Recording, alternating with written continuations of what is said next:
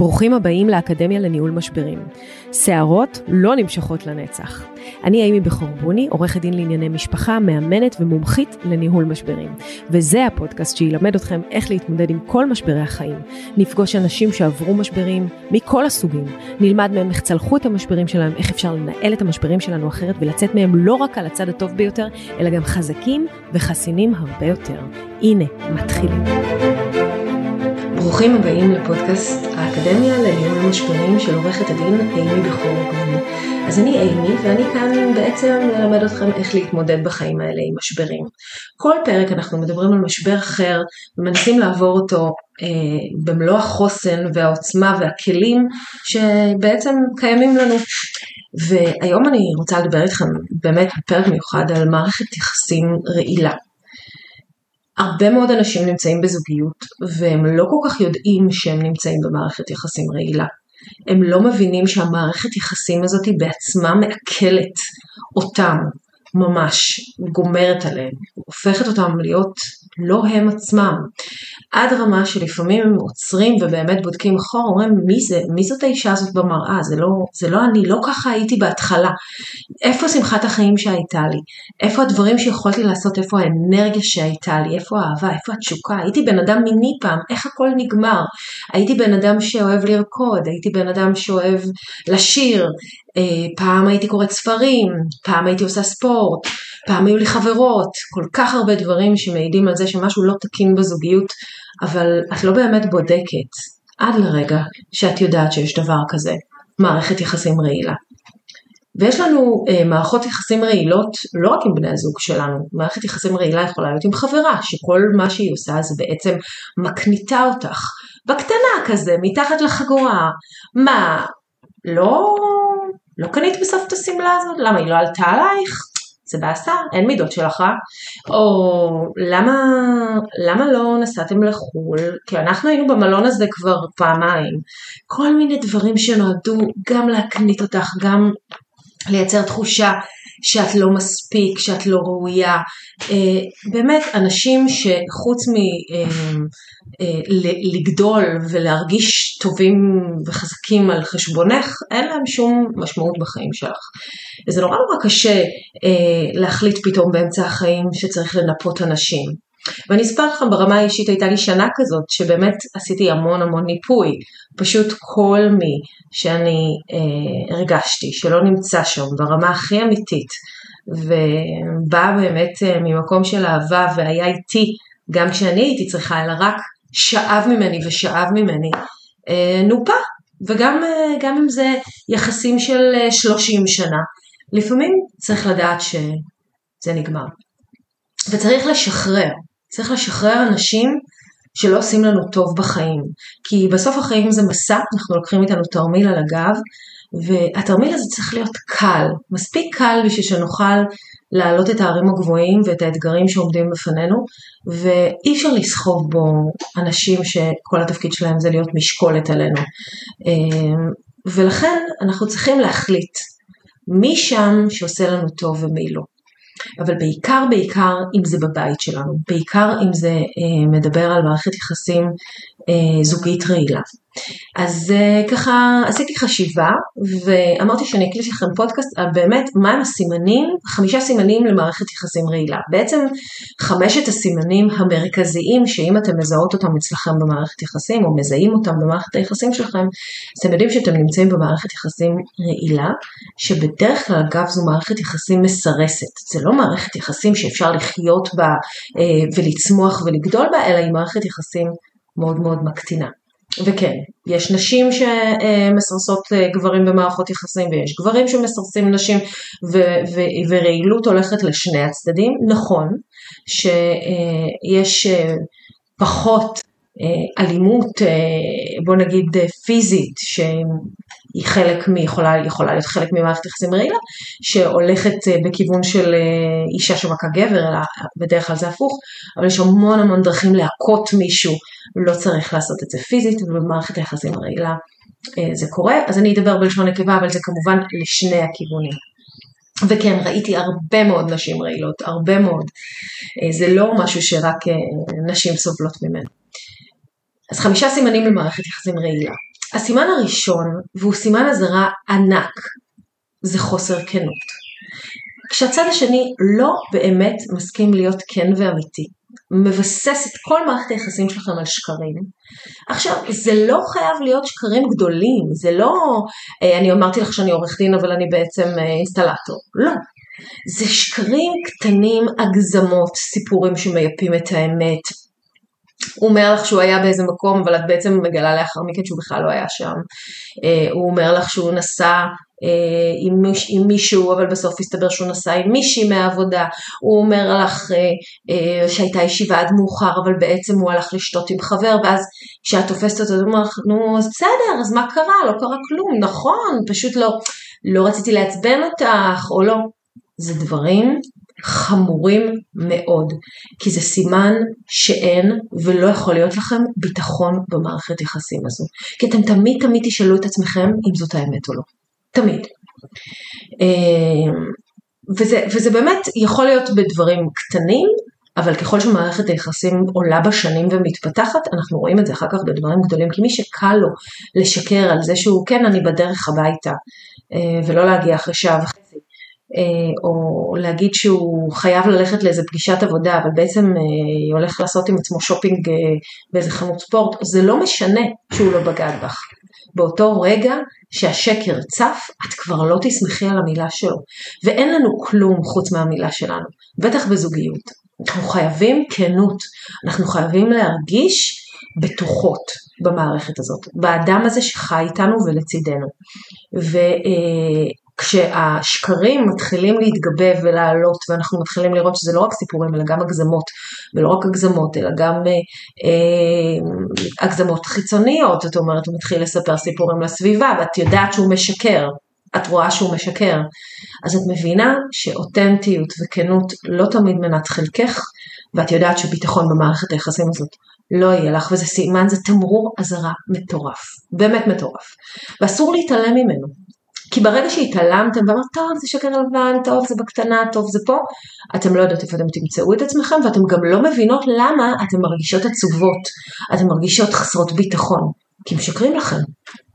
אז מה עושים? מתעמתים, משיגים ראיות, עושים עבודה, מציגים את השקרים ואומרים לו, אם אתה לא מתחייב לכנות מהרגע הזה, אני לא נשארת. כי אני לא יכולה להיות עם בן אדם שמשקר לי. כי אין לי יכולת להרגיש בטוחה בשום צורה במה שאתה אומר או עושה. ולכן אני, אני צריכה לבדוק. אז בואו נלך לטיפול, אולי אתה צריך טיפול, אולי נעשה טיפול זוגי, לא חשוב מה, אבל להתעמת על זה ולא להשאיר את זה באוויר ולא לא להתעלם ולטאטא מתחת לשטיח כאילו הוא לא יודע שתפסת אותו בשקר, אז את אומרת יאללה לא נורא, לא לא לא. חוסר כנות באמת סימן ראשון למערכת יחסים רעילה. הסימן השני, וואו, gaslighting. Gaslighting זה אחד הדברים המטורפים. קודם כל, זה לא משהו שקורה ככה בערב אחד, זה לא הקנטה או סתירה. גז לייטינג זה תהליך שבונים אותו. אוקיי? עושים לו grooming, לאט לאט לאט, כי דברים קורים בתוך המציאות, וגזלייטינג זאת פשוט הכחשה של מציאות. זה תהליך, אוקיי? לגרום לצד השני להטיל ספק בעצמו. זה גזלייטינג. אולי הוא כן אשם, אולי הוא באמת עשה משהו שהוא לא עשה בכלל. אוקיי, אני אתן לכם דוגמה, בסדר? נגיד שקבעתי עם אה, מישהו פגישה. והוא הגיע לפגישה. ואז אני פותחת לו את הדלת ואני אומרת לו, כן, מה, מה אתה עושה פה? והוא אומר, אה, קבענו פגישה בחמש. לא יודע על מה לא יודעת על מה אתה מדבר. לא, לא קבענו פגישה. עכשיו הוא מתחיל להטיל ספק בעצמו, פותח את המייל ומראה לי שקבעתם פגישה בחמש. זאת אומרת, אה כן, שטויות, נכון, תיכנס. עכשיו זה היה נשמע מטומטם, אבל זה הטלה, באותה שנייה הוא הטיל ספק בעצמו, אולי טעיתי רגע, אולי אני אשם, אולי באתי סתם, אולי בכלל זה לא קרה, זה גזלייטינג. וזה גזלייטינג עם בן אדם שאנחנו לא מכירים סתם להטריל אותו, או תקראו לזה איך שאתם רוצות. אבל אני לא אמרתי את זה בחיים, אני לא עשיתי את זה. את רגישה מדי, תפסיקי לעשות כזה big deal ממשהו קטן, אז מה קרה? את לא מחויבת למערכת היחסים שלנו. המציאות שאת אומרת לא נחשבת, היא לא קרתה, אני לא יודע על מה את מדברת. אולי את צריכה טיפול, את בטוחה שאת בסדר, אולי מתחיל לך אלצהיימר, לא באמת, אולי כאילו זה משהו, אולי זה הורמונלי, אולי את בגיל המעבר, אולי את במחזור, את במחזור במקרה, זה, זה קשור אולי, ואת כבר מתחילה להאמין בזה, אולי אני לא זוכרת, אולי משהו לא בסדר איתי, וברגע הזה, האדם שעושה לך את זה, שולט בך. הוא שולט במחשבה שלך. זה יכול להיות מערכת יחסים זוגית, אבל זה יכול לקרות גם בעבודה, זה יכול לקרות גם עם חברות, ודבר היחיד שימנע את זה, זה הצבת גבול חד משמעי, שאומרת, אני רואה שאתה עושה לי גזלייטינג, ואתה לא תעיז לעשות לי את זה שוב. ולהגיד לי שזה לא קרה, כי אני יודעת שזה קרה, וסיימנו את השיח. וזהו.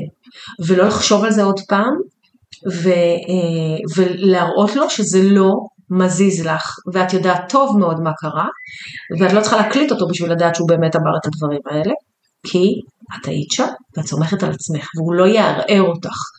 בדרך כלל זה יכול לעבוד, יכול להיות ש... נגיד אם עושים לך זה, עושה לך את זה מישהו בעבודה, אז הוא כבר יחפש קורבן אחר לעשות לו את זה, כי הוא מבין שאיתך זה לא יעבוד לו. במערכת יחסים זוגית, כשאת נשואה למישהו שהוא נרקסיסט, או אה, שבאמת מנסה לשלוט בך בכוחניות אה, גם באמצעות גזלייטינג, אז זה לא יעזור, אבל צריך מאוד לשים לב לזה, כי זה באמת סממן של מערכת יחסים רעילה.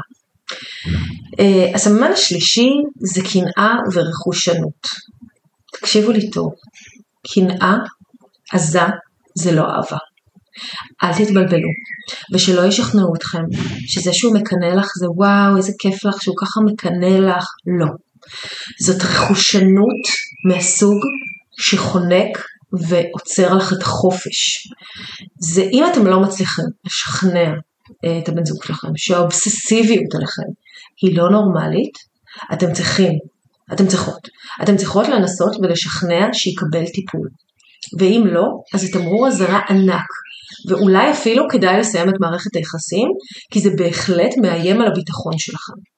זה לא חמוד, זה לא חיזור, וזה רק יתגבר ויתגבר עם הזמן. אם בהתחלה הוא רק אמר לך, יואו, ממי, מה, את אוהבת את החברות שלך יותר ממני? יואו, ממי, מה, את בטוחה שאת יוצאת גם עם היום עם החברות שלך? רגע, אבל uh, לא בא לך שאנחנו נעשה משהו? והוא נותן לך להרגיש כאילו את לא בסדר, שאת רוצה לעשות עוד דברים שלא קשורים אליו. וזה בהתחלה, כשהוא עוד בשלב החיזור, זה רק ילך ויגבר. ילך ויגבר. זו תובנות רגשית, תובנות על הזמן שלך, וזו שליטה. שליטה על מה את עושה ועם מי את עושה, לא יאפשר לך לא לצאת עם חברות, לא לנסוע איתם לחו"ל, לא לעבוד אולי, לפעמים זה מגיע למצב של אני יודע שיש לך בוס גבר, ויעשה לך את המוות כל יום שתחזרי הביתה, דיברת איתו או לא דיברת איתו, את התכתבת איתו או לא התכתבת איתו, תראי לי את הוואטסאפ, זאת לא אהבה. לא להתבלבל, זאת מערכת יחסים רעילה, ששואבת ממך אנרגיות להסביר שאת לא עשית שום דבר רע. וזה מקום מתנצל, וזה מקום שלא מכבד אותך, וזה מקום שאת לא צריכה להיות בו. קנאה, טוב, זה בסדר, אה, אם את נוסעת עם קולגה לעבודה והוא קצת ככה, ממי, אני רוצה שתקשרי אליי, וזה, זה בסדר גמור, אבל להיות אובססיבי ופנאטי, להגביל את החופש שלך, גם באמצעות פרצופים, גם באמצעות תחושה לא נוחה שאת יוצאת עם חברה שלך, והוא נשאר לבד בבית מסכן, זו גם קנאה, זו גם רכושנות, זה גם לחמוס את הזמן שלך, זה גם לא לתת לך באמת ליהנות, זה לא לפרגן לך. וכל עוד הפרגון הוא לא אמיתי, את תרגישי את זה. אם את תגידי לו, אני נוסעת לחו"ל לשלושה ימים, חברה שלי לפריז כי יש לה יום הולדת או מסיבת רווקות, וכל הנסיעה הזאתי הוא ישלח לך אלף הודעות, או לא ישלח לך אף הודעה כי הוא כועס, ואת תרגישי לא בנוח, זאת קנאה. וזאת קנאה עזה וזה לא אהבה. זה משהו שפוגע בביטחון שלך ובתחושת החופש שלך ואת לא רוצה את זה נקודה. אוקיי, הסממן הבא הוא נשמע לכם הזוי, אבל אני נתקלתי בו לא מעט בקריירה שלי, ובעיניי הוא סממן מאוד חשוב ולא מספיק מדברים עליו, ולכן אני אעלה אותו. והסממן הרביעי זה כשהוא לא מרשה לך לטפל בעצמך כמו שצריך. אם את הולכת כל יום למכון, אז הוא אומר לך שאת, למכון כושר, אז הוא אומר לך שאת נרקסיסטית, ואכפת לך רק מעצמך, ואת אגואיסטית, ולמה את צריכה לעשות כל יום כושר, ומי יש לך שם, ומה את מחפשת שם. אם את רוצה ללכת לבד, אז הוא אומר לך, למה את עוזבת אותי ממי, למה זה לא יפה, את לא רוצה שאני אבוא איתך, הוא לא מאפשר לך להיות לבד. למה שלא תהיי עם הילדים? למה את צריכה להביא בייביסיטר אם את ממילא נמצאת? לא מכבד את הזמן שלך לבד. לא מרשה לך להתפלל. לא מרשה לך לעשות מדיטציה. למה את מבזבזת את הזמן על זה? מה עכשיו מדיטציה באמצע היום? לא הבנתי, את רוצה לישון? אה, כי את הולכת לנוח באיזה מקום לעשות מדיטציה. למה את צריכה לישון צהריים? לא מאפשר לך לטפל בעצמך כמו שאת זקוקה לו. לא מסכים שתבזבזי כסף על לק ג'ל. לא, לק ג'ל אנחנו לא עושים, בשביל מה להוציא כל כך הרבה כסף כל חודש, או על מספרה, או על דברים אחרים.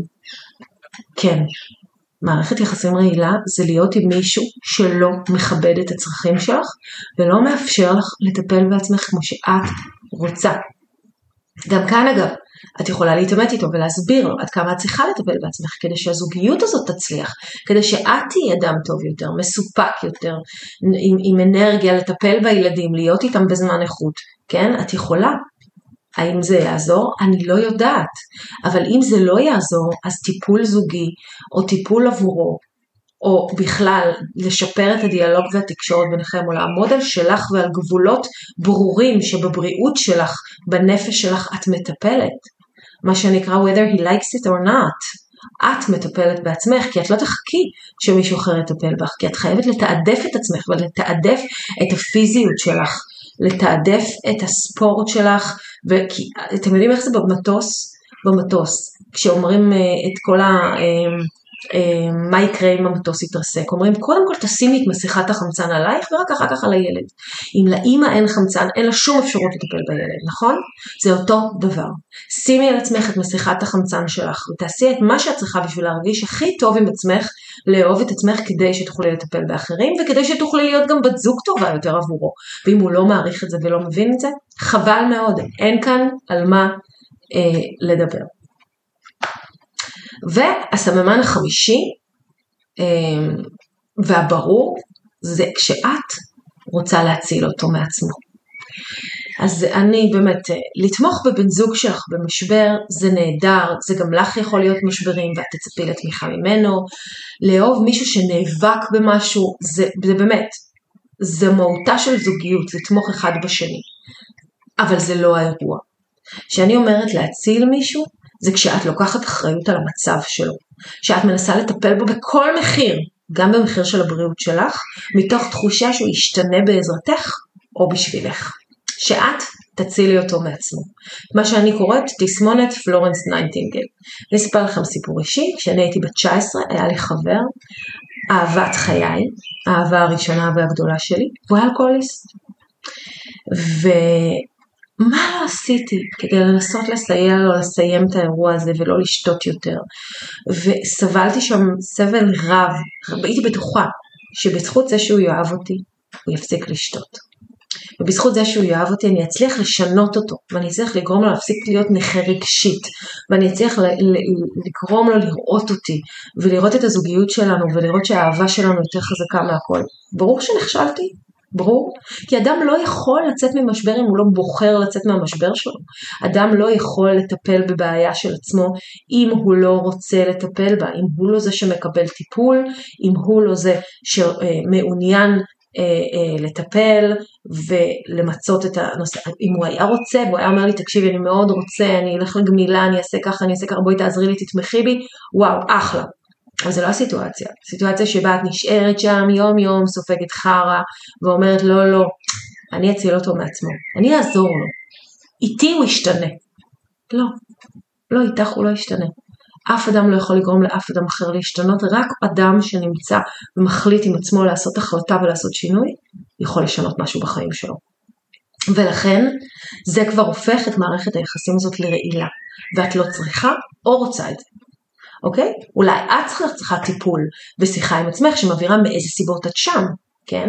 תבדקי את עצמך אה, אם את אה, מרוויחה שם משהו, כן? אם את, אה, לא יודעת, אולי זה עושה לך טוב לנסות ולראות ואולי זה נותן לך תחושת משמעות, אבל זה בוודאות לוקח ממך יותר מדי אנרגיות, לא שווה את זה, וכשתביני את גודל האכזבה שלא תצליחי לעשות את השינוי הזה ורק כמה רעיל זה היה עבורך, את באמת תצטערי על הזמן המבוזבז הזה. כי אם יש משהו שאין לנו בשפע ובללא הגבלה, זה זמן. אז אמ, תבדקו את עצמכם ותשאלו את עצמכם שלוש שאלות, אוקיי? אלה היו חמשת הסממנים שלנו לזוגיות רעילה, אם אתם רוצים, אני ככה אחזור בקצרה, חוסר כנות, גז לייטינג, קנאה ורכושנות, אמ, ולא נותן לך לטפל בעצמך, והניסיון שלך להציל מישהו אחר מהמשבר של עצמו. אמ, אז אם אתם רוצים לדעת באמת אם אתם נמצאים במערכת יחסים רעילה, אתם צריכים לשאול את עצמכם שלוש שאלות. אחד, האם משהו מחמישה סימנים האלה מופיע במערכת היחסים שאתם מצויים בה? שתיים, אם כן, איזה אחריות אתם יכולות לקחת? איזה גבולות בתוך המערכת אתם יכולות לקבוע? ושלוש, מה הפחד שגורם לך להישאר במערכת הזאת? או בעצם, מה הרווח? מה את מרוויחה שם, או מה, ממה את מפחדת לסיים את זה? מערכת יחסים זוגית חייבת להיות מיטיבה, כן? איתך. לגרום לך לאהוב את עצמך יותר ממה שאהבת את עצמך לבד. להפרות אותך, להיות חברית, להיות עם אינטימיות, ושניכם צריכים לגדול יחד אחד לצד השני. ולא רק זה, גם בסופו של דבר, שניכם צריכים לרצות שהצד השני יגדל, לפרגן אחד לשני. זאת מהותה של אהבה, זאת מהותה של חברות. להיות בתקשורת אותנטית, אמיתית, לא כזאת שנועדה להקטין, או נועדה לעשות גז לייטינג, או נועדה לגרום לך לרגשות אשם. ובאמת מילה אשם, אשמה, היא אחד הדברים, אחד הרגשות השולטים במערכות יחסים רעילות. אם את כל הזמן מרגישה אשמה, שמאשימים אותך בלי סוף, מבקרים אותך בלי סוף, את צריכה לבדוק אם זה יושב על אחד מהסימנים האלה. אם זה גור... מישהו גורם לך שם להרגיש אשמה ולא מספיק טובה ולא מספיק ראויה ולא מספיק יכולה ולא מספיק עושה, או נרקסיסטית, מטפלת בעצמך בלבד, אגואיסטית, לא אכפת לך מכלום, כל ההאשמות הקשות האלה, הקשות קשות האלה, בדרך כלל באות כדי לשלוט בך. לשלוט בך באמצעות המילים האלה, באמצעות המשפטים האלה, באמצעות העובדה שתחושי מעורערת, שתחושי אשמה, ואז אולי תעשי יותר, אולי תנסי יותר, ואולי תבדקי את עצמך יותר, וזאת שליטה. זאת שליטה במחשבות שלך, שמובילה לשליטה במעשים שלך. וזאת חברים מערכת יחסים רעילה. ואתם לא רוצים מערכות יחסים כאלה. לא בין חברים, לא בעבודה, ובטח ובטח לא בזוגיות. לא בבית, שם אתם צריכים להרגיש הכי הכי בטוחים מהעולם. אה, אז זהו, אני מקווה שהפודקאסט הזה עזר לכם, ושבאמת אה, תחשבו טוב טוב איפה אתם נמצאים ואם אתם צריכים להיות שם. ואם מישהי מכם או מישהו מצא את עצמו בפודקאסט הזה, אני אשמח לשמוע מכם שתכתבו לי, אנחנו גם באינסטגרם וגם בטיק טוק וגם בפייסבוק ובאמת אה, בבלוג ויש אימייל ואני אשמח לשמוע אם זה עזר לכם ואם זה לא עזר רק לכם ואתם מכירים מישהו שנמצא במערכת יחסים רעילה, תשלחו לו את הפודקאסט הזה, תשלחו לו ובואו ננסה לעזור לכמה שיותר אנשים לעבור את המשבר שלהם. תודה רבה שהקשבתם. ביי ביי.